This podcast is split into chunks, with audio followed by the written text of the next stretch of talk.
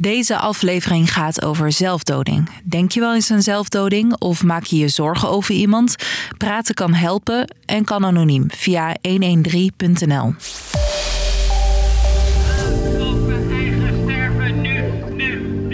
Een protest bij de rechtbank in Den Bosch. Deze mensen zijn daar voor de zaak van Alex S. Alex S. zou drie jaar lang mogelijk honderden pakketjes met het zogenoemde zelfdodingsmiddel X hebben verkocht. Dat middel kan worden gebruikt door mensen die een einde willen maken aan hun leven. Het is alles behalve rustig, het is vergif. Maar wat is middel X en waarom vinden sommige mensen dat ze er recht op hebben?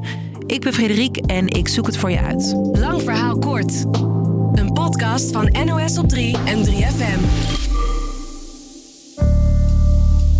Oké, voordat we in middel X duiken, gaan we eerst terug naar het jaar 2000. Dat jaar scoorde Nederland een wereldprimeur.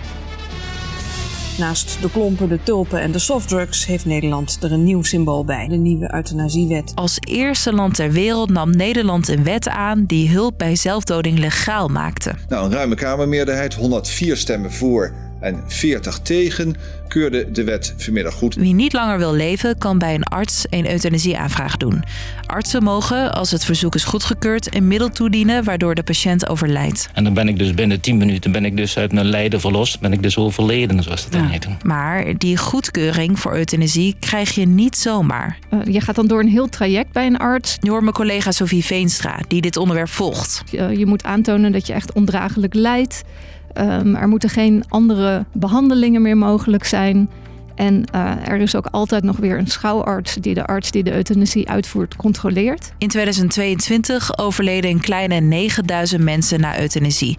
Maar dit is maar ongeveer een derde van het aantal mensen dat een euthanasie aanvraag doet. De meeste verzoeken worden dus afgewezen. Lang niet iedereen komt dus in aanmerking voor euthanasie. En daar komt middel X in beeld. Een organisatie die uh, de belangen behartigt van mensen die over hun eigen levenseinde willen beschikken.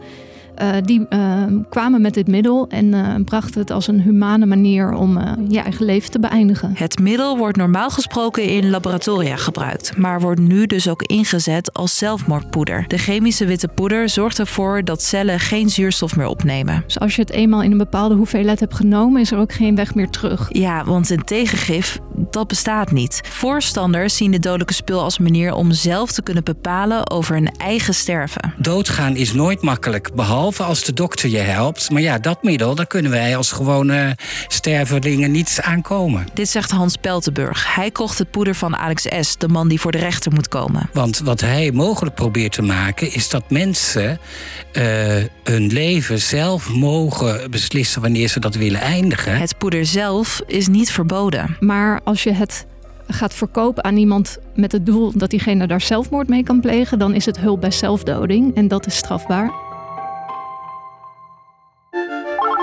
113 spreekt met Lisa. Wat maakt dat je belt? Een dodelijk middel dat makkelijk online te verkrijgen is, op plekken zoals Marktplaats, is niet zonder risico, waarschuwt hulplijn 113. Wij weten dat op het moment dat dodelijke middelen makkelijk toegankelijk zijn, dat je eigenlijk de uh, mogelijkheid om daarover in gesprek te gaan verkleint.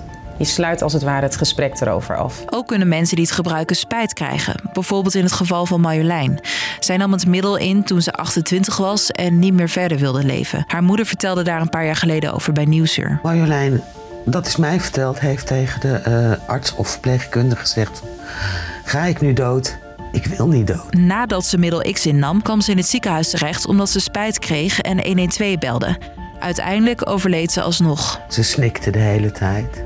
Dat zag er niet vreedzaam uit. Middel X zou voor mensen een meer humane manier moeten zijn voor levensbeëindiging. Maar dat is geen garantie, zegt mijn collega Sophie. Ja, je, je, sterft niet meteen als je het inneemt. Het kan uren duren voordat iemand buiten bewustzijn is. En um, in die tijd kun je gaan braken, kun je uh, ernstig gaan zweten, uh, soms zelfs stuiptrekkingen. Het kan wel tot 40 uur duren voordat iemand overlijdt. En er klinkt niet alleen kritiek op middel X zelf, maar ook op het systeem erachter. Er zijn huiskamergesprekken geweest waarin mensen geïnformeerd werden over het middel, hoe ze het konden nemen, waar ze het konden krijgen.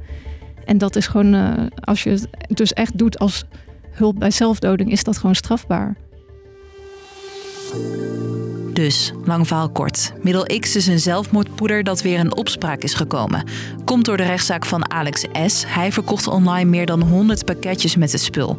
Voorstanders vinden dat iedereen zelf moet kunnen beslissen over het einde van hun leven. Toch is er ook kritiek. Zo vinden sommigen het middel inhumaan en zijn ze bang dat het de drempel verlaagt voor mensen met suïcidale gedachten. Was de podcast weer voor nu? Morgen weer een nieuwe.